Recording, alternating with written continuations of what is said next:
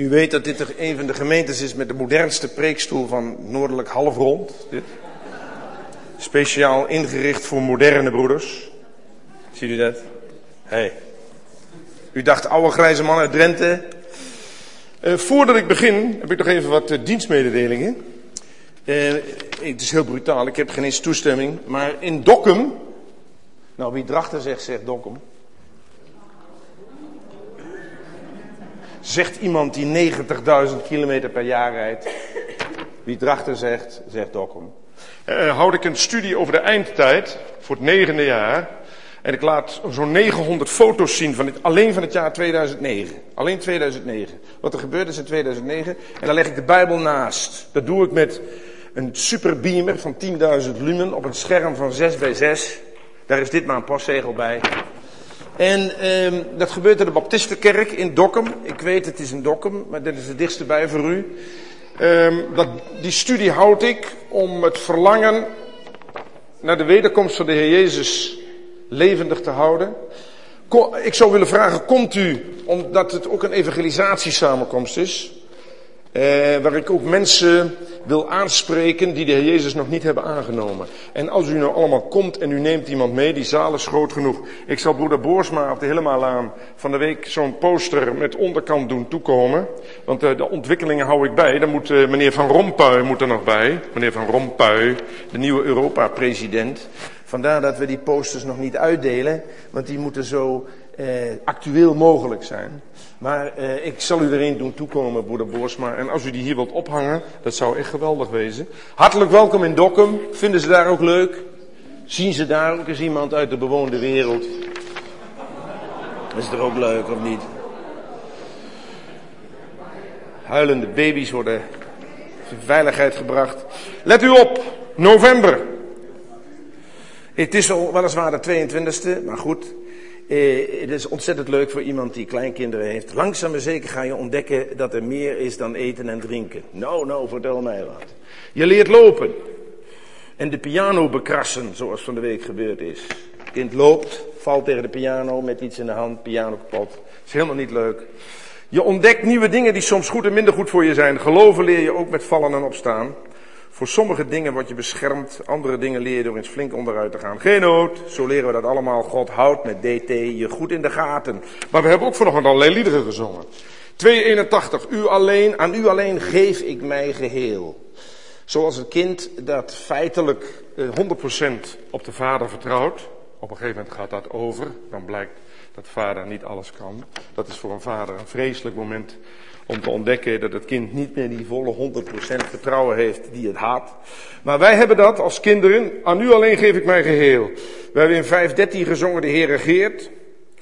594 heeft allemaal te maken met het groot worden als kind. In uw naam ligt de kracht om door te gaan. En natuurlijk, we hebben allemaal wat. We zijn allemaal raar. Ik weet niet of u dat weet.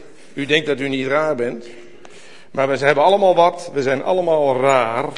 Zoals elk kind dat ook een beetje heeft. Als een kind niet echt raar is, is het ook niet goed. Een kind moet een beetje raar zijn. En, eh, maar de Bijbel leert, maar dat is vast wel voorbijgekomen. De Bijbel leert ook dat, eh, dat er zijn vaders en kinderen. Er zijn, eh, er zijn vaders in het geloof die niet alleen de Heer Jezus al lang kennen, maar ook uh, de, de, levenservaring hebben die bij dat lange christelijke leven behoort. Niet iedereen die de Heer Jezus lang kent, heeft een lange christelijke ervaring. Dat gaat niet altijd gelijk op. Er zijn er ook die heel jong zijn en nog kinderen in het geloof. Vorige week ontmoette ik een broeder, je gelooft het niet. Ik zeg, broeder, uh, volgens mij ben u nog geen 70. Op die manier probeer ik altijd achter te komen hoe, hoe oud iemand is. Hij zei, ik ben drie jaar, zei hij. En dat had hij goed, ik begreep dat onmiddellijk. Ik begreep onmiddellijk wat hij bedoelde. Hij zegt, ik ben drie jaar, want ik heb drie jaar geleden heb ik nieuw leven ontvangen. Ik ben opnieuw geboren. Dus als je het hebt over kinderen en vallen en opstaan, dan heb je het niet alleen over biologisch, letterlijk over kinderen, maar ook over gelovigen die nieuw leven uit de Heer Jezus hebben ontvangen. En of u nou over de 30 of over de 40 bent, als je nieuw leven uit de Heer Jezus hebt ontvangen, en dat is relatief kort geleden, dan ben je nog als kind aan het opgroeien. Daar wil ik het vanochtend met u over hebben. Ik wil vanochtend met u over hebben over dat nieuwe leven. Voor sommigen is dat nieuwe leven begonnen tien jaar geleden. Voor anderen is dat nieuwe leven begonnen uh, dertig jaar geleden. Uh, en voor sommigen twee jaar geleden. Maar we zijn allemaal nog in dat nieuwe leven aan het groeien. En de Bijbel wil ons daarbij helpen. De essentie van het christen zijn is, er is iets voorbij. Voor een hoop christen is dat niet zo. Die rommelen maar gewoon door. Maar er is iets definitief voorbij. En er is iets heel nieuws voor in de plaats gekomen. En ik zeg u dit, dat moet blijken. Wij kunnen wel zeggen, Jezus, alles is nieuw geworden. Ik heb nieuw leven. Oh ja, laat me zien dan. Laat maar dan goed zien wat het verschil is met vroeger en wat het nu geworden is. En ik daag u vanochtend uit, ook mezelf uiteraard. De Heer spreekt, onthoud u dit, de Heer spreekt altijd eerst tot de broeder. De Heer zegt altijd, zeg Ouweneel, jij staat daar nou wel allemaal verhalen te vertellen, maar hoe zit het met jou? Dat u toch niet, vooral niet denkt dat wij hier komen om u eens even te vertellen hoe u het moet doen. Eerst is de spreker altijd de klos. Dus het is een moeilijk vak. Vandaar ook dat ik er echt in werkkleding bij sta, maar het is een moeilijk vak. Maar wij beleiden, Heer Jezus, uit u hebben we nieuw leven ontvangen. En het oude is voorbij. Nou, laat maar zien dan. Laat maar eens grote verschil zien tussen vroeger en nu. Laten we eerst iets lezen. Hele bekende tekst. Eh, 2 Korinthe 5. Want we komen hier niet om naar oude te luisteren, maar om het woord van God te openen. Eh, 2 Korinthe 5. Daar beginnen we mee. De bekende tekst natuurlijk. Maar als er iets te maken heeft met nieuw leven, is het wel eh, dat we een nieuwe schepping zijn. 2 Korinthe 5. Ah, dit is een gemeente van hoog niveau, dus u kent die tekst allemaal. Maar het is toch altijd leuk om nog even die tekst te lezen. 2 Korinthe 5 vers 17. Daar komt hij dan. Zo is dan wie in Christus is een nieuwe schepping. Het oude is voorbij gegaan, zie het nieuwe is gekomen. Wat betekent dat? Ik herhaal, er is iets voorbij, anders sprak Paulus niet over een nieuwe schepping. Paulus zegt niet, een christen is iemand die zijn gewone leven doorleeft, een visje op zijn auto plakt, lid wordt van de EO en de ChristenUnie, en, daar en, en verder gewoon zijn oude leven voortzet en daar een christelijk sausje overheen giet. Dat is niet wat Paulus hier bedoelt. En een hoop christenen doen dat wel. Die leven gewoon zoals vroeger, voordat ze de Heer Jezus kenden, maar ze doen een beetje christelijk. Ja, daar hebben we geen fluit aan, daar kunnen we geen oorlog mee winnen. Paulus zegt, er, je bent een nieuwe schepping. Dit is een van de weinige keren dat het woord schepping in het Nieuwe Testament voorkomt. Dat wil zeggen, er is iets voorbij en er is iets vanaf nul helemaal opnieuw ontstaan, zoals een kind dat geboren wordt. En we zijn, de meeste van ons zijn nog kinderen in het geloof. Eh, dit is, er is iets nieuws geboren. Als een baby geboren wordt, dan kan het honderdmaal op de vader lijken of op de moeder. Het is totaal nieuw. Van de week kocht ik een slabbetje voor mijn kleindochter en daar stond op, ik lijk op mijn vader, maar dat trekt wel bij, zegt de dokter. Leuk. En dat is leuk. Het was voor mijn, voor de, voor, voor, dat, is, dat vind ik toch wel een goeie. Er is nog hoop. Er is nog hoop voor dit kind.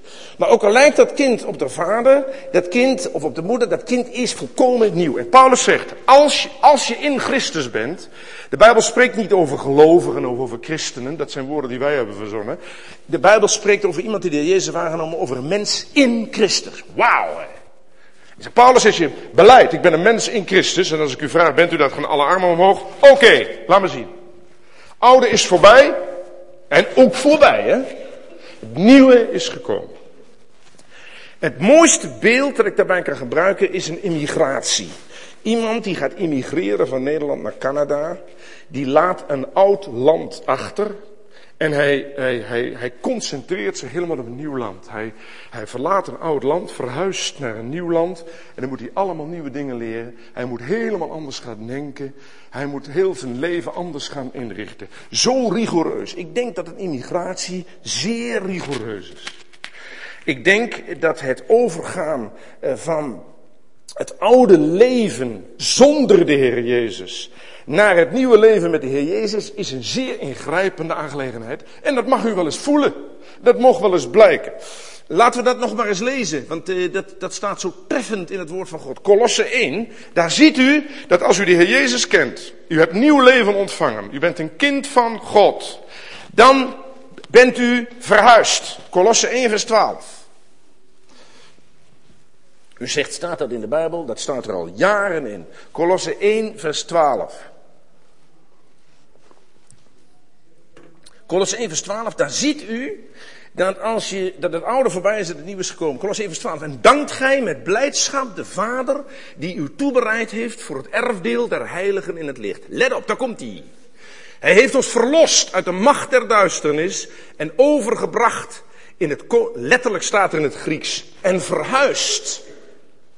Hij heeft ons verlost uit de macht der duisternis en verhuist naar het koninkrijk van de zoon zijn de liefde, in wie wij de verlossing hebben, de vergeving van de zonde. Ziet u dat? En we hebben gezongen, de Heer regeert. De Heer regeert. Wij zijn, wij zijn verlost uit het koninkrijk van Satan. Elk mens die de Heer Jezus niet kent, of hij dat nou leuk vindt of niet, uh, dient koning Satan.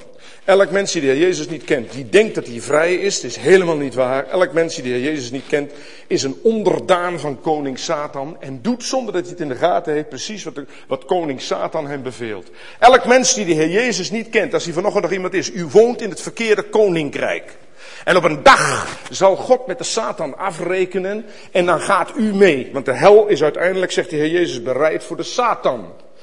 Maar als u blijft wonen in het koninkrijk van de Satan, zult u ook daar terechtkomen waar hij terechtkomt. En dat is geen grapje. U moet verhuizen van het oude koninkrijk naar het koninkrijk van de zoon van Gods liefde, in wie wij de verlossing hebben, de vergeving van de zonde. En als je in dat koninkrijk komt wonen, dan ben je nog maar een klein kind. Uh, als iemand van um, immigreert van Nederland naar Canada en hij komt in Canada, dan moet hij zich een beetje rustig houden, want hij is nog maar een klein kind. Hij weet nog niet precies hoe de verkeer daar in elkaar zit. Hij weet nog niet hoe precies hoe dit, hoe dat, hoe dat. Hij moet eigenlijk in dat nieuwe land nog als een klein kind leren lopen, want je moet, als je immigreert naar zo'n ver land, dan moet je totaal anders gaan denken. En lieve vrienden, wij zijn verhuisd. Ik lees u nog een tekst. Altijd als ik hier sta, dan, gaat dan, dan, dan word je moe van het opslaan, maar dat geeft niet. En als u geen Bijbel bij u hebt, zal ik u duidelijk lezen. Nog zo'n verhuizing. Johannes 5, daar spreekt de Heer Jezus zelf. We hebben van hem gezongen dat hij regeert. Let op. Hij spreekt zelf over die verhuizing in Johannes 5.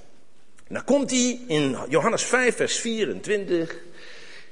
Daar staat dat de Heer Jezus zegt, voorwaar ik zeg u wie mijn woord hoort en hem gelooft die mij gezonden heeft, heeft eeuwig leven. Johannes 5 vers 24, ik hoor nog steeds bladeren. Johannes 5, Nieuwe Testament.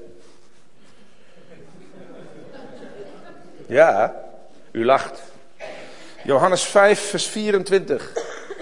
Jezus sprak, voorwaar ik zeg u, wie mijn woord hoort en hem die mij gezonden heeft, heeft eeuwig leven en komt niet in het oordeel. Let op, want hij is verhuisd, staat er weer. Hij is verhuisd uit de dood in het leven. En als u de Heer Jezus drie jaar kent, en dan mag u 35 zijn, dus de Heer Jezus drie jaar kent, dan bent u drie jaar geleden verhuisd vanuit het verkeerde koninkrijk, het koninkrijk van de Satan, het koninkrijk van de dood, naar het leven, het koninkrijk van de Heer Jezus. En dan hebt u nog maar drie jaar nieuw leven en dan bent u nog een kind.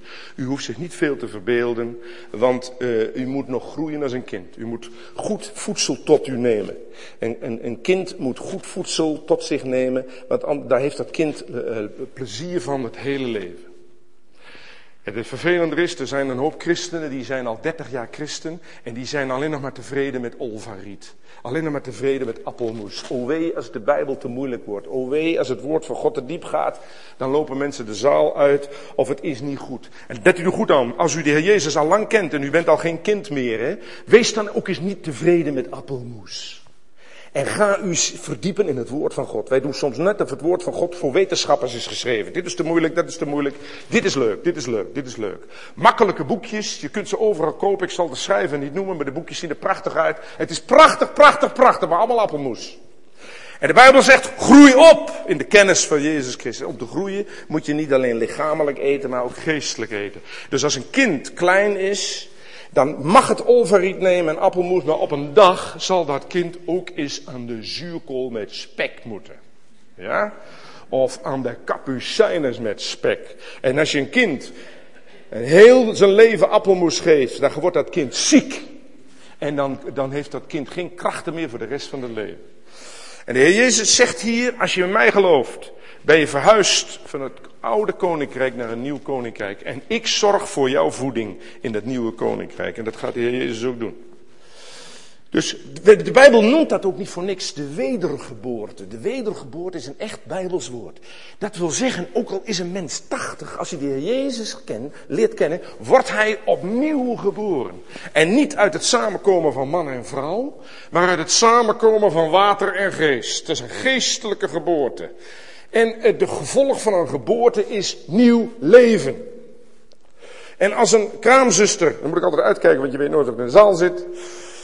Als een kraamzuster twijfelt bij de geboorte van een baby of dat wel leeft, dan houdt het een spiegeltje voor het mondje. En als het spiegeltje beslaat, weet zo'n zuster, dit kind is in leven. Dat is het bewijs van het nieuwe leven. Vanochtend ga ik u vragen, wat is uw bewijs van het nieuwe leven?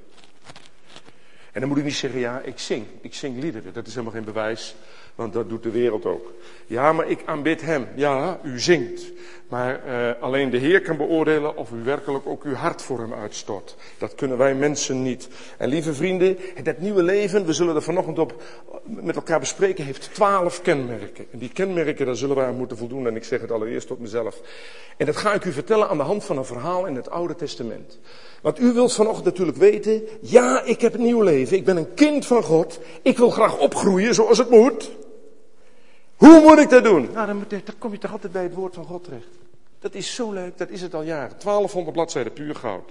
Maar dan moet u wel naar het Oude Testament. Maar dat is helemaal niet zo erg. Dat, dat kan deze gemeente wel aan. We gaan naar het boek Jozua. Dat is het feit, dat is, om even voor de opzoekers.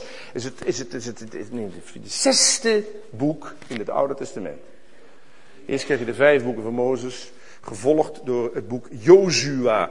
Als u uzelf een plezier wilt doen, hè, dan moet u het meelezen. Mijn oude vader, van wie wij het allemaal geleerd hebben, 93 jaar, hij leeft nog steeds en de computer doet het nog steeds perfect.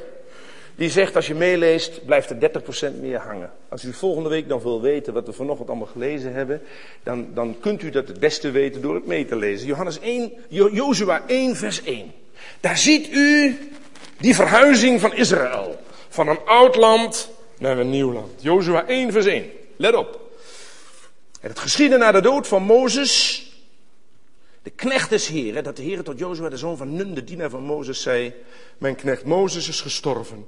Want nu, maak u gereed, trek over de Jordaan hier. Het begint al spannend, vers 10. Toen beval Jozua de opzieners van het volk, ga midden door de legerplaats en beveelt het volk al dus, bereid u teerkost, dus een lunchpakket. Bereid u een lunchpakket. Want binnen drie dagen zult gij hier de Jordaan overtrekken om bezit te gaan nemen van het land dat de Heer uw God u tot de bezitting geven zal. Vers, uh, hoofdstuk 3, Jozua 3 vers 1. Let op. Toen zette Jozua de wekker en stond morgens vroeg op. Hij en al de Israëlieten braken op van Sittim en kwamen tot aan de Jordaan. Nou, die spannend. Vers 7. En de Heer zeide tot Jozua, op deze dag zal ik beginnen u groot te maken in de ogen van geheel Israël, opdat zij weten dat ik met u zal zijn, zoals ik met Mozes geweest ben. Jozua 4. Jozua 4 vers 1. Nadat het hele volk de overtocht over de Jordaan voleindigd had, zeide de Heer tot Jozua, en dan springen we naar vers 3. En dan komen ze, neemt twaalf stenen op, hier midden uit de Jordaan, van de plaats waar de voeten der priesters onbewegelijk staan. En dan komt de zin die ik bedoel. Brengt ze met u naar de overzijde. Vers 5. En Jozua zeide tot hen, trekt over voor de ark van de Heere, uw God, naar het midden van de Jordaan. En daar komt mijn tweede motto voor deze morgen. En heft u ieder een steen op de schouder. Dat gaan we even nog gaan doen. Hou hier uw Bijbel even open, dat is het makkelijk, want, want wij, grijpen nog alles even terug naar dit gedeelte. Jozua 3 vers 1. Dan staat er dus dat, dat ze komen aan de Jordaan. Dat hele volk Israël, ik weet niet, maar dat heeft iemand eens uitgerekend. Hier moet het al toch al een miljoen man geweest zijn. Dat is toch niet, dat is niet misselijk. Die hele handel, die staat daar bij de oevers van de Jordaan. En dan staat dat volk op het punt, hè, dus een miljoen man, dat is, die staan op het punt om de Jordaan over te trekken. En let er goed op, deze Jordaan hier is een mijlpaal, want Israël stond op het punt te gaan verhuizen. Zoals je van Canada naar Nederland naar Canada moet je met een vliegtuig. En zo gingen zij van een oud land, Egypte en de woestijn, gingen ze naar een nieuw land en dan moesten ze door de Jordaan heen. Het volk hier, het is letterlijk, ging letterlijk emigreren. Natuurlijk, dat begrijp je wel. Ze kwamen uit Egypte, waar ze het erg zwaar hadden. Dat was het oude leven. Toen gingen ze door de woestijn, waar ze het ook erg zwaar hadden. Dat is het oude leven. Dan komen ze, gaan ze door de Jordaan. En dat is het symbool van hun immigratie. Dat is als het ware hun vliegreis van Nederland naar Canada. Voor de Jordaan het oude land, na de Jordaan het nieuwe land. Dus die Jordaan, waar ze nu op het punt staan doorheen te trekken, was een scheiding. Ik zal u vertellen dat elke Israëliet, als die een beetje de geschiedenis kent, eh, die vindt de Jordaan nog steeds het keerpunt van het volk. Daarvoor was alles oud. En daar denken ze liever niet aan terug. Daarna is alles nieuw. En lieve vrienden, die Jordaan is een mooi beeld van uw en mijn keerpunt. En vandaag zullen we uit, uit dit boek Jozua lessen leren, eh, die je, waar je vandaag de dag nog wat aan hebt. Ik zal u vertellen, de, weinige keren dat de Bijbel over een opwekking spreekt, is hier. Het woord opwekking hebben wij zelf verzonnen, zoals wij ongelooflijk veel woorden hebben die we zelf hebben verzonnen, die niet in de Bijbel staan. Dat wil niet zeggen dat ze verkeerd zijn, maar uh, de opwekking die de Bijbel kent, die, die ook anders omschreven worden, is de allereerste. Ja, dat had u niet gedacht, hè? Want God, als dus die hele handel bij de Jordaan-oever staat, gaat God twee dingen doen. Dan gaat God ze bemoedigen en dan gaat God ze oproepen tot actie. Wat? Ja, nou, daar sta je daar triplex van natuurlijk. Jozua 3 vers 7, daar komt hij. En de Heer zei dat tot Jozua. Moet opletten. Dus er staat dus die hele handel bij de Jordaan. Op deze dag zal ik beginnen u groot te maken. Ja. Um, in de ogen van heel Israël, opdat zij weten dat ik met u zal zijn. Dus u moet voorstellen, dat volk staat nog in het oude land op het punt voor de, over de Jordaan te gaan. Wat natuurlijk toch wel een hele stap was. En het eerste wat God gaat doen, is ze bemoedigen. En God zegt, ik ga, God zegt, ik ga jullie groot maken. Dat heeft niks te maken met aanbidding. Want wij zeggen ook al, wij willen God groot maken. Dit, hier wordt iets anders mee bedoeld. Hier wordt mee bedoeld, het Hebreeuwse woord betekent letterlijk opvoeden. Nou, als je het hebt over een kind, dan moet het niet alleen eh, goed voedsel krijgen, het moet ook opgevoed worden. Dat wil zeggen, die ouders moeten die kinderen ook wat, wat meegeven. En christelijke ouders moeten die kinderen christelijke waarden meegeven. Nou zegt God hier, eh, voordat jullie de Jordaan overtrekken, ga ik beginnen jullie op te voeden. Het tweede betekenis van dit Hebreeuwse woord is onderwijzen.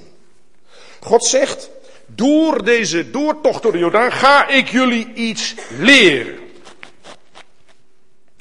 En welke ouder wil zijn kind niet graag iets leren? Je hebt natuurlijk twee soorten ouders. Dat zijn de ouders die zorgen dat de kinderen te eten hebben en kleren. En verder gaan die kinderen op hun kamertje zitten met hun computer en ze moeten niet zeuren. Uh, maar er zijn ook ouders die nemen heel veel tijd om de kinderen dingen te leren. Dingen die, van de, die, die ouders die dus niet puur aan zichzelf denken, maar ook tijd investeren om die kinderen iets te leren. En dat hoeft niet alleen christelijke dingen te zijn. Leer je kind maar mooie muziek lief te hebben. Leer je kinderen maar mooie, in de natuur dingen lief te hebben. Maar stop tijd in het onderwijzen van je kinderen. Maar weet u wat het laatste betekenis is van het woord wat hier gebruikt wordt voor grootmaken? Dat is, wij zouden dat vertalen met, ik zal jullie een opwekking doen meemaken. Ja, daar sta je aan te kijken. God zegt, hou je vast, miljoen Israëlieten punt om door de Jordaan te trekken naar het nieuwe land. God zegt, luister eens, ik ga jullie eens een opwekking doen meemaken. God zegt, ik ga jullie doen meemaken waar ze in 2009 elke dag om bidden zullen. Om een opwekking ga ik jullie hier doen meemaken. De, eigenlijk zijn er in de Bijbel maar drie soorten opwekkingen. Drie opwekkingen, dat is deze. En dan de opwekkingen in, bij Ezra en bij koning Joshua. En wanneer kwam die opwekking? Nadat het woord van God openging. Lieve vrienden, er komt in Nederland geen opwekking als wij het woord van God dicht laten. En, en, in heel veel gemeentes gaat het woord van God steeds verder dicht. En het wordt vervangen door allerlei spektakel en show en theater. Het is allemaal prachtig hoor. En het is allemaal geweldig. Maar als het woord van God dicht gaat, komt er geen opwekking. En als onze bidstonden heel beroerd bezorgd worden, dan komt er geen opwekking. Want het is niet zo dat God in maart volgend jaar op een knop drukt en dat er dan opwekking komt. En de opwekking houden wij tegen. Wij blokkeren dat proces. Want God wil niets liever. Maar als in Nederland het woord van God niet wijd open gaat, dan heb ik het niet alleen maar over zondags. Heb ik het niet alleen maar over, bij het eten en heb ik het niet alleen maar voor het slapen gaan. Maar als wij niet persoonlijk en gemeenschappelijk heel veel tijd besteden om het woord van God te openen. En gemeenschappelijk heel veel tijd besteden aan de bidstond. En dan heb ik het over een opkomst van minstens 20%. Dan komt er geen opwekking. Want een opwekking moet mogelijk zijn. En alle opwekkingen die in de Bijbel voorkomen, gingen, daar ging aan vooraf het volle openen van het woord van God. Ook in de huizen. Niet alleen gemeenschappelijk, maar ook in de huizen. Maar God zegt, ik ga jullie een opwekking doen meemaken. Hoe doet God dat? Door een gigantisch wonder te doen. Ik weet niet of je de Jordaan wel eens gezien hebt. Maar God heeft het zo, God zegt, eh, luister eens eventjes, hou jullie allemaal vast, kijk even goed. En we weten dat het, het, het water van de Jordaan, dat ging als een dam. Dat moet een machtig gezicht zijn. Wij bouwen 30 jaar over de Delta werken in Zuidwest-Nederland. Dat is een fantastische prestatie. En wij weten daar een voor een miljarden kostend systeem zo'n klein speldenknopje van deze aardbol van water vrij te houden. En dat ook nog maar voor een beperkt aantal jaren. Maar God doet zo. En die hele Jordaan, en u kent de rivier wel, de meeste van u kennen de rivier wel, die ging opzij. Nou, als dat geen bemoediging is, God zegt, moest op luisteren. De eerste opwekking komt van mij, want ik laat jullie een wonder meemaken. En dat volk, die stond erbij en zij keken ernaar. En de Engelsen zouden zeggen, dat volk was flabbergasted. Mooi hè, flabbergasted. Ook je dat woord niet, je snapt wat dat is. Flabbergasted. Dat volk stond daar aan de Jordaan ja, vlak voor hun verhuizing moest voor een verandering. En, en God zegt, ik, ik begin eens eventjes jullie te laten zien wat ik allemaal kan. En dat is ook mooi als je als kind opvoedt. Als u, als u de Heer Jezus kent, nog maar kort, en u bent nog maar een kind in het geloof. Dan mag je wel eens eventjes weten wat God allemaal kan. Als hier vandaag mensen zijn die het moeilijk hebben, die een zware week tegemoet gaan. Ik ben ervan overtuigd dat ze er zijn. U hebt een God die alles kan. U, u, u moet ophouden op mensen te vertrouwen. Mensen kunnen u willen helpen, maar op een gegeven moment houdt hun vermogen ook op. Wat iemand ook probeert, het vermogen van een mens is altijd beperkt, maar God niet. Wat denk je, hé? Wat denk je wat het volk bemoedigd was? Want het volk zag er best tegenop. Dat volk zag die gigantische Jordaan en ze wisten, we moeten naar de overkant. Hoe moeten we dat doen? God zegt, geen punt, geen punt. Ik zal jullie een opwekking doen meemaken. En God doet het water van de Jordaan aan de kant en het volk gaat door de Jordaan. Maar dan, als het volk door de Jordaan trekt, moet het volk iets doen. En daar gaat het vanochtend. Leest u nog even mee, hoofdstuk 4, vers 3 en 5. Als, als God dus dat hele volk, eerst heeft dat volk een opwekking heeft meemaakt, dan moet het volk iets doen. Dan staat er, dan zegt God, neem twaalf stenen op, je midden uit de Jordaan. Van de plaats waar de voeten der priesters onbewegelijk staan, brengt ze met u naar de overzijde. En Jozua zeide tot hen, trekt over voor de ark van de Heer uw God naar het midden van de Jordaan en heft u ieder een steen op de schouder. Is dat goed of is dat goed? Er zijn twee lessen zitten daarin. Ten eerste moesten de Israëlieten achter de ark van de Heer aan. Dat is altijd een punt. Als je nieuw leven hebt uit de Heer Jezus, dan moet je achter de Heer Jezus aan. En dat klinkt heel vroom en dat kun je ook kopen op tegeltjes en dat kun je hangen in de hal. Ik moet achter de Heer Jezus aan, maar hoe doe je dat? Dat doe je meestal op je knieën. Heer, ik moet beslissingen nemen en ik weet niet wat. Heer, maar ik, uh, ik wacht op uw groene licht. Heer, ik ga mijn weg helemaal met u. En, en, en, en, en, en wij weten dat niet, maar de Heer wil ook tot ons spreken door zijn woord. Als u van de week een bijzondere beslissing moet nemen, hè, dan ga maar eens op de knieën en zeg, Heer luister eens, u bent mijn ark, ik ga achter u aan. Heer, ik moet een besluit nemen, vanmiddag, een besluit nemen. En Heer, en heer ik moet het eigenlijk vanmiddag weten en ik wil eigenlijk alleen maar een besluit nemen wat u ook zou nemen. Weet je wat je dan moet doen? Dan moet je zeggen, Heer, wilt u mij dat openbaren door uw woord? En dan moet je het geloof hebben dat de Heer wil doen. En sla dan je Bijbel maar open. Of dat werkt. Er zijn er zat in deze zaal die weten wat ik bedoel. En dan sla je je Bijbel open. Het woord van God keert namelijk nooit ledig weer. Dan sla je Bijbel open. Wauw, dank u wel. Hoe vaak, ik ben nog een hele jonge broeder, maar hoe vaak ik dat al heb meegemaakt. Heer, ik moet besluiten. Ik krijg een telefoontje, wilt u onmiddellijk komen? Heer, ik weet niet of dat wel verstandig is. Heer, ik weet niet of ik dat wel moet doen. Heer, ik weet niet of dit nou wel op mijn weg ligt. Heer, maar ik wil mijn dienstbaar opstellen. Ik weet het niet. Heer, maak mij duidelijk nu. Ik wil met u de weg gaan. Ik wil achter de ark trekken. En dan, Heer, wilt u mij openbaren door uw woord. Als God een instant solution geeft, hè? Als God een instant reaction geeft, altijd door het woord. U denkt zeker dat de Bijbel alleen maar zo leuk is om aan tafel het verhaal van Abraham te lezen. Ook, ook leuk. Maar God, Heer, ik moet het nu weten.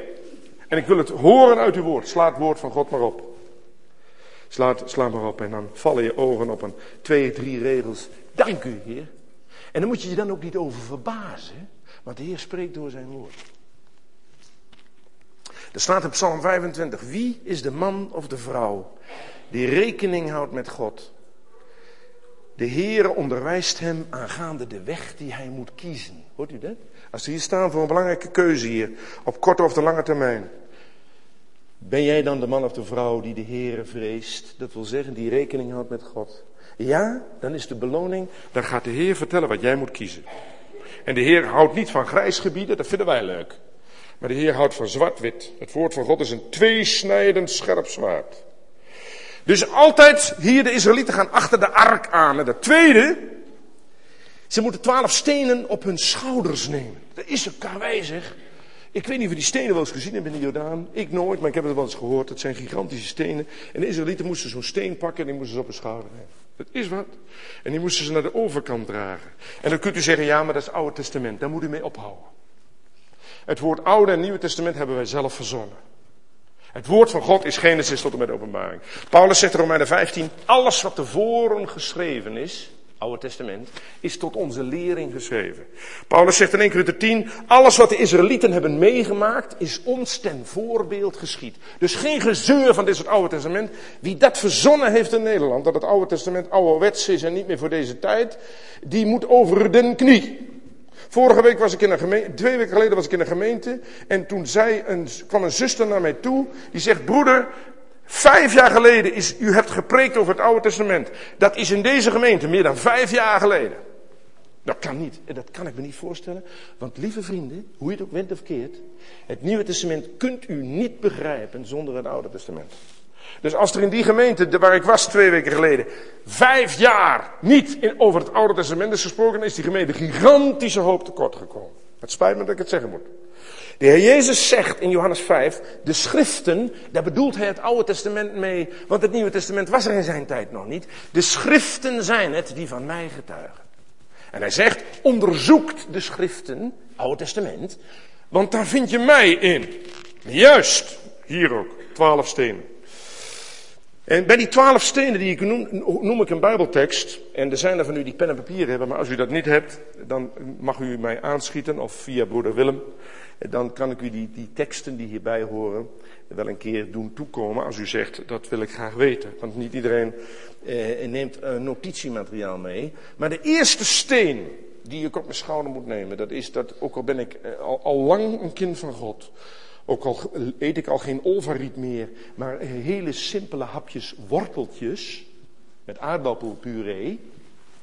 Dan moet ik me nog realiseren wie ik vroeger was. Het eerste wat de Israëlieten zich realiseerden toen ze over de Jordaan getrokken was, hoe beroerd het vroeger was. Er staat in Efeze 2 vers 1 en 3, ik was dood in zonden en misdaden en een kind van het oordeel. Dat mag je je best realiseren.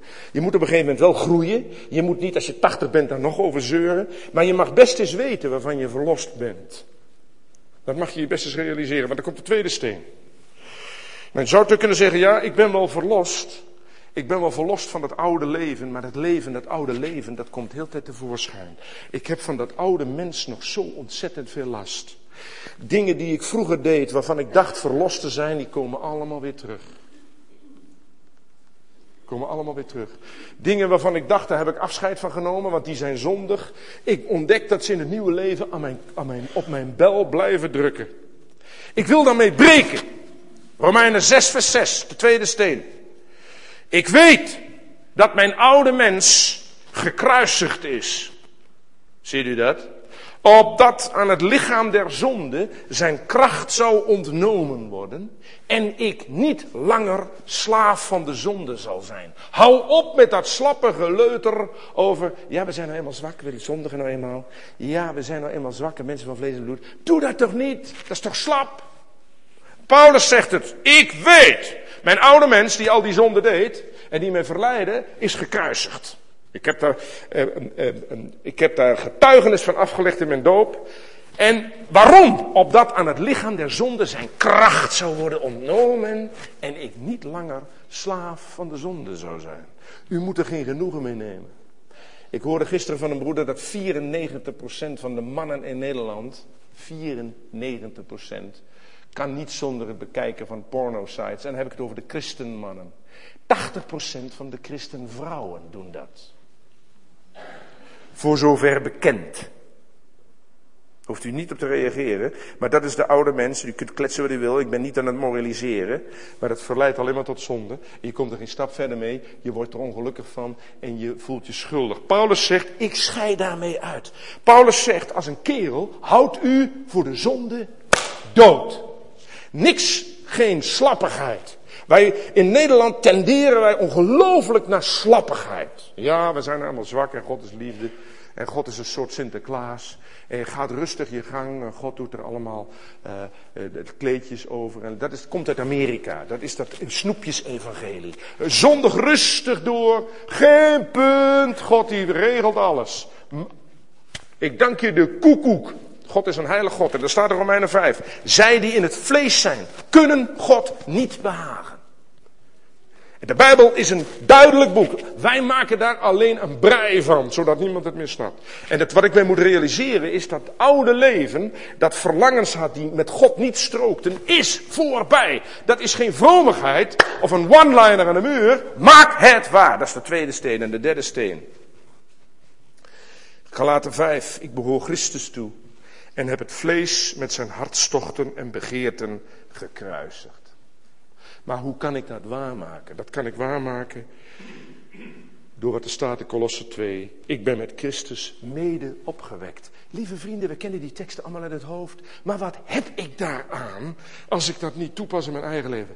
Ik ben met Christus opgewekt. Ja, wat betekent dat? Dat ik nieuw leven uit Hem heb. Ik heb niet meer dat leven uit de Satan, die mij alleen maar ongelukkig maakte en mij verleidde tot zonde. Ik heb nieuw leven uit de Heer Jezus. Maak het dan waar. En zet een streep door dat oude leven. Dat moet u zelf doen. Houd u voor de zonde dood. Wees, mijn vader zou zeggen, wees is een kerel. Wees is een meid. En, en neem geen genoegen met slapheid. En als je opgroeit als kind, groeien naar geestelijke volwassenheid, dan hoort dit erbij. Paulus zegt in Efeze 4 dat wij moeten groeien naar de volgroeidheid van de volheid van Christus. Als je het hebt over kinderen, en dat is deze maand de gedachte, dan is uiteindelijk het doel, Efeze 4 vanaf vers 13, groeien tot de volgroeidheid van de volkomenheid van Christus. Kan dat op aarde? Kennelijk wel. Anders zou Paulus dat niet aan Efeze schrijven. De vierde steen. Wat is het kenmerk van mijn nieuwe leven? Ik hoef dat gelukkig niet zelf aan te sturen. Het eh, kenmerk van het nieuwe leven, dat is de Heilige Geest. En alles in mijn leven is nieuw. Ga maar eens als je gaat verhuizen van Nederland naar Canada, is alles nieuw. De wetten zijn nieuw. Wat hier in Nederland mag, dat mag daar niet. Wat hier in Nederland niet mag, dat mag daar wel. U zult een andere taal moeten leren. U zult een andere taal moeten leren. En u zult andere kleding dragen. Jazeker. Al deze mooie overhemden kun je in Canada niet krijgen. En je zult er genoegen moeten nemen met van die overhemden die wij voor de oorlog droegen. Met van die gekke lange flappunten. En als je een mooie overhemden hebt, dan moet je regelmatig naar Nederland komen om daar je overhemden te kopen. Want in, in, in die landen lijkt het wel of de tijd 50 jaar heeft stilgestaan. Een mooie bril kun je in Canada of in Amerika niet kopen. Je ziet het op de televisie, allemaal van die mannen met die gekke brillen. En als ze een mooie bril hebben, hebben ze die in Europa gekocht. Dus als u naar Canada verhuist, u, alles verandert, alles wordt nieuw. Nieuwe wetten, nieuwe taal. Nieuwe kleding. Ja, als ik, als ik verhuis naar het nieuwe land van de Jezus. Nieuwe wetten. Nieuwe taal. En nieuwe kleding. We zullen dat zo zien. Er staat in Romeinen 6. Gelijk Jezus uit de doden is opgewekt. Zo mag ik in nieuwheid des levens wandelen. Lieve vrienden, dat heeft niks te maken met modern denken. Sommige mensen zeggen, die nieuwheid, dat betekent, je moet modern denken zoals deze wereld denkt. Je moet, uh, evolutie moet je ook een beetje naar luisteren. En een beetje dit en een beetje dat en een beetje zus en een beetje... En je moet ook de filosofie van de wereld gezeur. Die nieuwheid heeft te maken met de nieuwheid van de Heilige Geest. Want wat tegenover nieuw staat oud. Oud was het denken van de Satan. Het denken van deze wereld, daar moet u niet jaloers op zijn. U moest eens weten hoeveel gemeenten de wereld binnen willen halen. Zoals de wereld doet, moeten wij het ook doen. Uh, managementteams, ik was laatst in de gemeente in Rotterdam, die hebben geen oudste, die hebben een managementteam. Hoepel op! En die hebben directeur zus en een directeur zo. Moet je vooral doen. Moet je vooral doen. En een raad van commissarissen moet je vooral doen. En eh, stemmen, zoals in de Tweede Kamer. En allerlei foefjes die de wereld heeft. Alsof de wereld het zo goed doet. 81 landen oorlog. Alsof de wereld het zo goed doet. Houd toch op. Spiegel je toch niet aan de wereld. Eh, dat is de Satan, dat is het oude leven. In mij is, ik moet in nieuwheid des levens, ik moet gaan denken in het koninkrijk van Jezus Christus. En dat is een koninkrijk, dat zegt de zelf, niet van deze wereld. Dan komt de vijfde steen. Ik ben niet, ik ben een, ik ben een, een kind van God en ik ben, eh, ik, ik draag nieuwe kleding. Daar staat in Galaten 3 vers 27, ik ben met Christus bekleed. Mooi. Nou, dat moet je dus wel kunnen zien. Je kunt het op een muur hangen, ik ben met Christus bekleed. Ja, maar als je mooie kleden draagt, dat kun je zien. Dan kun je, dat kun je aan de buitenkant zien. Iedereen mag aan mij zien, ik ben een kind van God. Dat komt niet door mijn visje. Dat komt door mijn uitstraling. Ik ben bekleed met de Heer Jezus. Dat komt in mijn gedrag, in mijn spraak, in wat ik zeg en wat ik niet zeg tot uitdrukking. Als u, als, ik had laatst, ik, vroeger toen ik nog in het bedrijfsleven werkte, had ik een collega, die was geëmigreerd naar Amerika. Ja, is niet te geloven. Hij heette Nol. Nol heette die. En hij kwam na drie maanden terug. En dan zeiden wij, Nol, wat is er met jou gebeurd? Je haar zit zo idioot. En je draagt zo'n gek pak. En gekke schoenen. Ja, zit hij, ja. Dat, dat is wat je in Amerika kunt kopen. Hij, eh, zijn hele uiterlijk verraadde dat hij woonde in Amerika. Ook weer van die, die, gekke, die gekke overhemden, stropdassen die wij in de Humana-bak stoppen, die heeft hij daar nieuw gekocht. Je kon, je kon zien, je kon aan Mol zien dat hij in Amerika woonde. Eh, dat bedoel ik. Als u woont in het koninkrijk van de Heer Jezus, en ik heb u gelezen, ik heb u verteld, we zijn verhuisd uit het oude koninkrijk naar het nieuwe koninkrijk van de Heer Jezus, moet u de kleding dragen van het nieuwe koninkrijk. Men moet aan uw uiterlijk, wat u zegt, wat u niet zegt, wat u doet, wat u niet doet, moeten ze herkennen. Ik ben een kind, ik ben een kind van God en ik behoor de Heer Jezus toe. Ik ben een onderdaan in zijn koninkrijk. Bij, vroeger zeiden ze tegen mijn moeder altijd, wat zien uw jongens? Mijn moeder had vijf jongens, wat zien ze er allemaal prachtig uit. Ja, dat moet je je voorstellen wat mijn moeder daar van moeite mee deed. Zondagsmorgens begon dat al om zeven uur. Dat al die jongens, die moesten eruit, de jongens van Evert Ouweneel, die moesten er allemaal perfect uitzien. En, want zij hebben een eer hoog te houden, zei mijn moeder, hè, zei mijn moeder. En men, men, men, men, men moet kunnen zien, dit zijn kinderen van Evert en Amin Ouweneel. Nou, nou, nou, wij zagen er top uit. Aan onze kleding herkende men wie onze ouders waren. En als je de Heer Jezus kent, je bent nog maar kort op de weg, dan moet men aan jouw kleding, aan je uiterlijk zien dat je behoort tot koning Jezus. Daar komt de zesde steen. En dat is iets wat u elke dag moet doen. U moet elke dag kiezen voor een leven met Jezus. Dat is geen christelijke one-liner, hou daarmee op. Er staat in Galaten 2, met Christus ben ik gekruisigd. Dat is ook geen christelijke term. Dat betekent, er is iets voorbij, maar toch ben ik niet dood. Gek hè? Ik ben met Christus gekruisigd, zegt Paulus in Galaten 2, en toch leef ik. Maar dat is niet meer mijn. Maar dat is niet meer mijn ik. Ik herhaal dit nog even. Met Christus ben ik gekruisigd. Mijn oude leven is dood. En toch leef ik. Want dat is niet meer mijn ik, maar Christus leeft in mij. En voor zover ik nu nog op aarde leef, leef ik door het geloof in de Zoon van God, die mij heeft liefgehad en zich voor mij heeft overgegeven. Dat moet je elke dag doen. Met Christus ben ik gekruisigd. Al deze dingen die ik nu aan zit te denken, die dingen waar ik nu zin aan heb, die dingen die ik nu zit te doen, die heb ik ooit met Christus gekruisigd. En gelukkig was dat niet het einde van mijn leven. Ik, en daar staat, Paulus zegt, en toch leef ik. Ik heb nieuw leven gekregen. Maar dat is niet meer mijn ik, Galaten 2 vers 20 wat ik leuk vind, maar Christus leeft in mij. En dan komt de zevende steen. Heer Jezus, ik wil uw knecht zijn. Niks liedjes van de opwekkingen, ik wil uw knecht zijn. Uw, uw, uw, uw, uw bevel is mijn gebod. Heer Jezus, ik wil uw dienstknecht zijn. Ook al werk ik de hele dag eh, voor een aardse baas. Daar staat in Kolosse 3, wat gij ook doet, verricht uw werk van harte als voor de Heer en niet voor mensen. Morgen hebben we allemaal een perfecte baas. Wat gij ook doet. Kolosse 3, vers 23. Verricht uw werk van harte. Als voor de Heer en niet voor mensen. die baas waar u tegenop ziet om morgen naartoe te gaan. U werkt niet voor hem, u werkt voor de Heer. Als u dat goed, is uw baas tevreden. Amen? Ik heb bij Philips gewerkt, dus ik weet er alles van.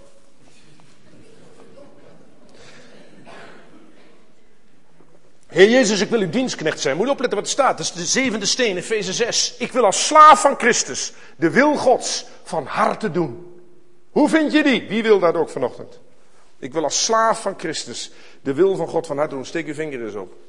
Ik wil als slaaf van Christus de wil van God van harte doen.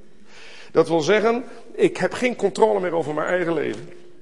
Jezus, wat wilt u? Dat is een kwestie van gebed en dat is een kwestie van het open Bijbel. Lieve vrienden, ik heb het al eerder gezegd. Antwoorden krijgt u niet alleen vanuit deze preekstoel. U krijgt niet alleen antwoorden door gebed. U krijgt antwoorden door het woord van God.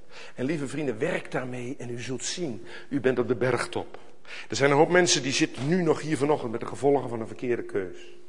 Lieve vrienden, wees slaaf van de Heer Jezus. Hij is de beste meester die er is. En als u de Heer Jezus niet aanneemt, als u vanochtend zijn die mensen die de Heer Jezus niet hebben aangenomen, of u het nou leuk vindt of niet, u bent een slaaf van de Satan. In deze, in deze wereld is niemand vrij.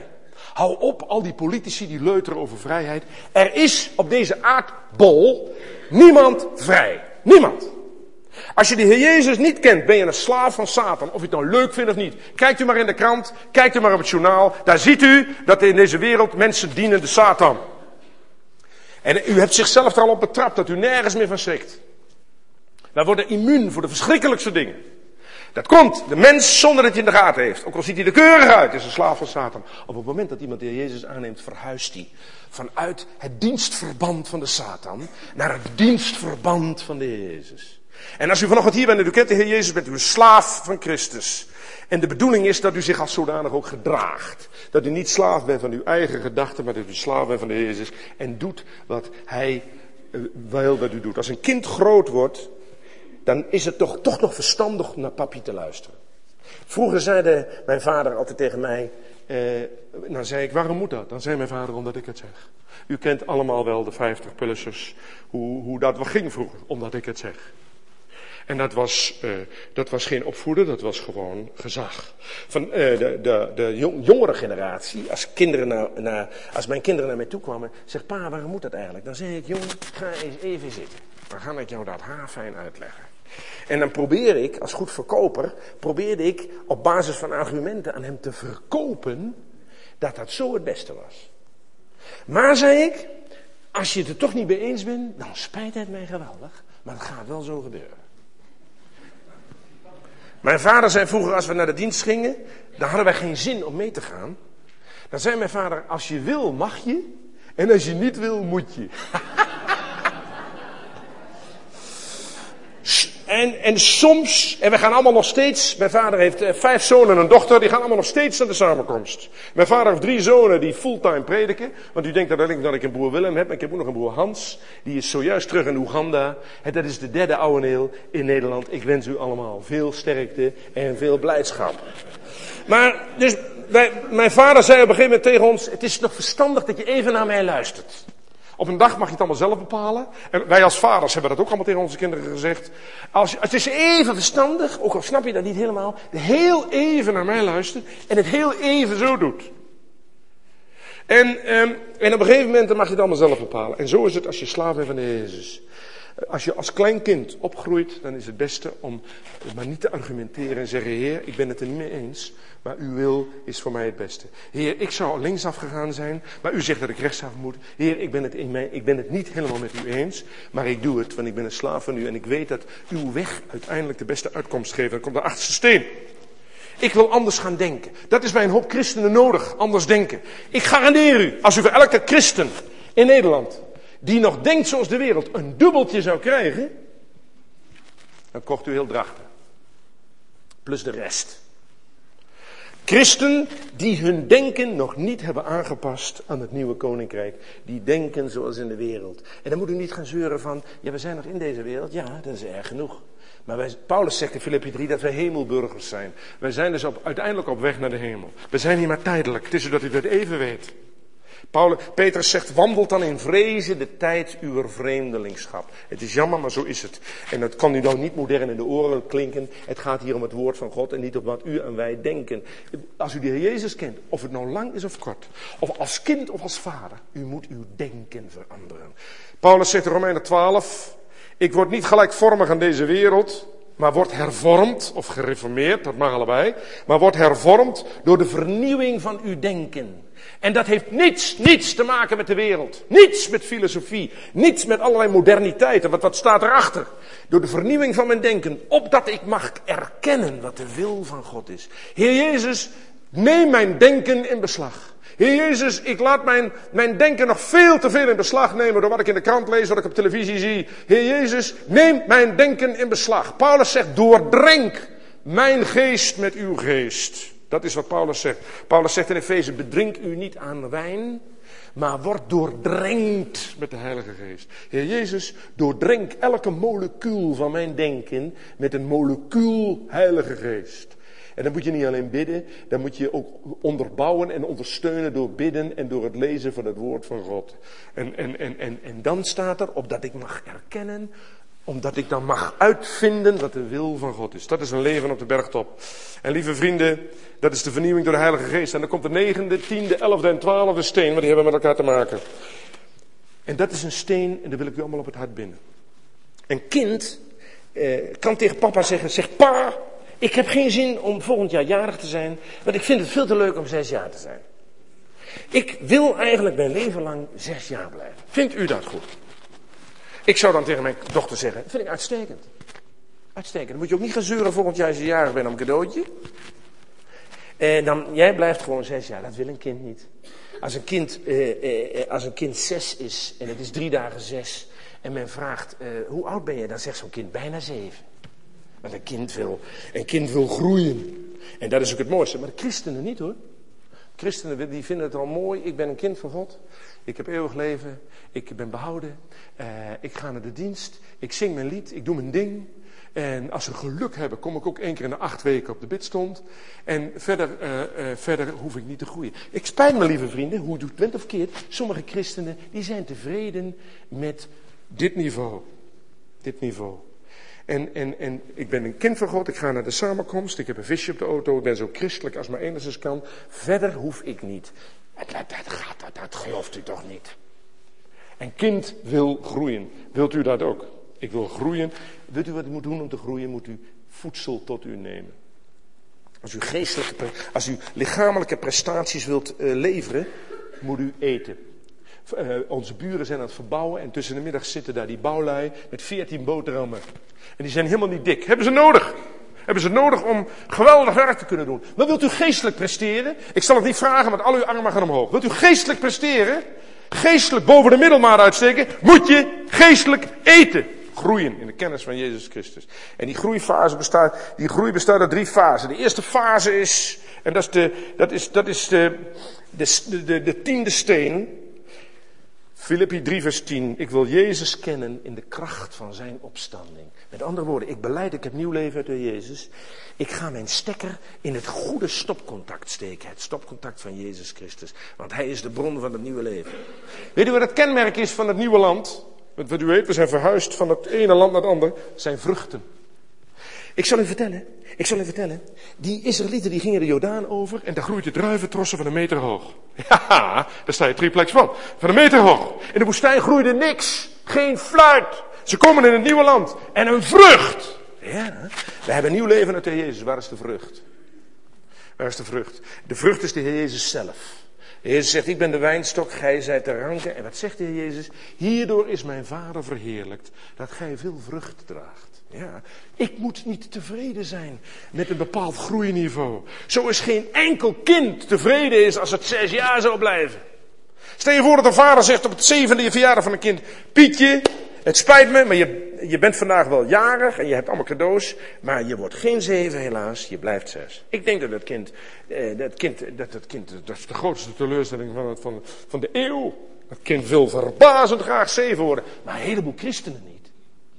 Die vinden babyvoeding genoeg. Paulus zegt in Hebreeën, naar de tijd gerekend hoorden jullie al lang leraars te zijn, maar jullie hebben nog genoeg aan moedermelk. Paulus zegt tegen de Hebreeën, jullie hebben geen zin om geestelijk te groeien.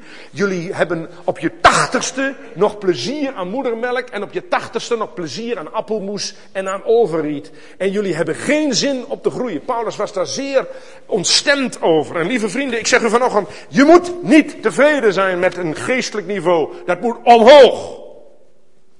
En daarvoor zul je geestelijk voedsel tot je moeten nemen. Dat is de tiende steen. Kolosse 3 vers 1. Ik ben met Christus opgewekt. Daarom zoek ik de dingen die boven zijn, waar Christus is. En over de hemel hebben we het nooit. Want wij hebben het hier zo verschrikkelijk goed.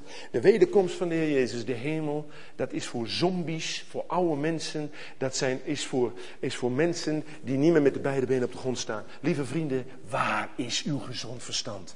De wederkomst van de Heer Jezus wordt in het Nieuwe Testament 318 keer genoemd. De Bijbel leert in het Nieuwe Testament dat we in de hemel twaalf dingen gaan doen. Daar hoef je niet eens voor te verzinnen, dat noemt ons het woord van God. En sommige mensen zeggen, ja, over de hemel is zo weinig bekend. Nou, lieve vrienden, doe, je de Bijbel eens open. 1200 bladzijden, puur goud. En weet u wie er in de hemel is? Jezus. Hij is na zijn hemelvaart gaan zitten aan de rechterhand van God in de hemel. En de Heer Jezus zegt, zoek de dingen die boven zijn, waar ik ben. Hoe doe ik dat? Door het woord van God. En door de Heilige Geest spreekt de Heer Jezus hier op aarde. Heb ik interesse in dat nieuwe land? Ik zal u vertellen, mijn overbuurman die is 14 jaar geleden geëmigreerd naar Zweden. En die man heeft de laatste drie jaar niet anders dan over Zweden. Ik word er ziek van en ik zeg, Henk, hou nou toch eens op, joh. Dat gezemel over Zweden. Je woont hier nog in Nederland op de Diamantdreef in Emmen. Moet je eens kijken hoe mooi het hier is. Ruik eens eventjes hoe geweldig het hier is. En kijk eens eventjes hoe fantastisch het hier is. Nee, ze die nee, nee. Alle boeken over Nederland, die heeft hij allemaal weggedaan. Ik heb dat nog allemaal voor een schappelijk prijsje kunnen overnemen. Hij is alles gaan, hij is alle Nederlandse meubels gaan uitdelen. Het is een, het is een prachtige man. Een prachtige, merkwaardige figuur. En hij heeft, het hele huis van hem, dat heeft hij al twee jaar geleden in die bepaalde rode kleur geschilderd. Die meni-kleur van die Zweedse haar. Die man dacht helemaal Zweeds. Maar toch is dat een goed beeld. Paulus noemt ons in Filippi 3, ik heb het al gezegd, burgers van de hemel. Ja, dat mag je tegenwoordig tegen een christen niet zeggen. Ik heb er maling aan. De Bijbel zegt nergens dat u een wereldburger bent. Wij zijn hier op doorreis, op weg daar naar waar de Heer Jezus is. Want we beleiden wel dat we de Heer Jezus lief hebben. Maar weet u wat we tegen de Heer Jezus zeggen? We houden veel van u, maar blijf nog even weg. Stel je voor dat, ik mijn, dat mijn vrouw zegt, zeg Frank, ik ben stapelgek op je. En dat is zo, dat, wonder kan ik nog steeds niet doorgronden. Maar, stel, je voor, stel je voor dat ze zegt, Frank, ik vind zo, het zo heerlijk, ik hou zoveel van je. Maar ik vind het heerlijk dat je een half jaar weggaat. Dat gelooft niemand. Heer Jezus, wij houden van u. Sommige mensen die hebben hun huis vol met We love Jesus en stickers op hun auto of op hun bureau. Heer Jezus, we love you. Maar eh, eh, ik wil nog even hier blijven. Ik moet nog even dit, ik moet nog even dat, ik moet nog even zo. Ja, dan zou de Heer Jezus kunnen zeggen, maar wat betekent dan jouw liefde? Wat betekent liefde tussen man en vrouw als de man gaat wonen in Hongkong en de vrouw in Chili? Wat, wat komt er dan nog van die liefde terecht? Dan kan de man wel zeggen ik hou van mijn vrouw en de vrouw kan wel zeggen ik hou van mijn man, maar liefde wil samen zijn. Daarom zegt de Heer Jezus Johannes 14, ik zal u tot mij nemen, opdat gij ook zijn moogt waar ik ben. Dat is de taal van de liefde. Hebben wij die verlangen? Dan moet u maar eens over nadenken. En lieve vrienden, dat is de dingen te denken die boven zijn. En de laatste, de, de, de laatste steen. Groei op in de kennis van Jezus Christus. Mijn diepste verlangen is dat iedereen aan mij zal kunnen zien dat ik de Heer Jezus toebehoor. Er staat in 1 Petrus 2, Christus, let u goed op, heeft mij een voorbeeld nagelaten, opdat ik in zijn voetstappen zou treden. Ja opdat ik in zijn voetstappen zou treden. Dat is ook leuk op een tegeltje boven de open haard, maar doe het maar. Hoe kan ik dat voorbeeld van de Heer Jezus vinden dan in het woord van God? Heer Jezus, ik wens te zijn als u. Dan kunt u zeggen, dat kan niet. Oh nee, anders zou Petrus dat niet gezegd hebben in 1 Petrus 2 vers 21. Christus heeft mij een voorbeeld nagelaten, opdat ik in zijn voetstappen zou treden. Amen. Is het mogelijk die twaalf stenen op mijn schouder te nemen? Ja hoor, er zijn gelovigen genoeg die het doen. En die zijn allemaal op de bergtop. Die zitten aan de overkant van de Jordaan in het nieuwe land. En iedereen kan aan ze zien en horen dat ze behoren bij de Heer Jezus. Ze, hebben, ze, nemen geen ze nemen geen genoegen meer met appelmoes. Ze willen zuurkool met spek. Ze willen groeien in de kennis van Jezus Christus. En zodanig dat het ze afstraalt. En lieve vrienden, laten we zo samen zoals we hier zijn. Niet tevreden zijn met het kindschap. En laten we groeien. En laten we ons gedurende die groei, die twaalf stenen op onze schouders nemen. Leer maar vroeg als kind sterk te worden. Leer maar vroeg als kind krachten te ontwikkelen. Dat is geweldig voor je eigen leven. Geweldig voor de gemeente. En tot eer van de koning in het koninkrijk, Jezus Christus. Amen. Amen.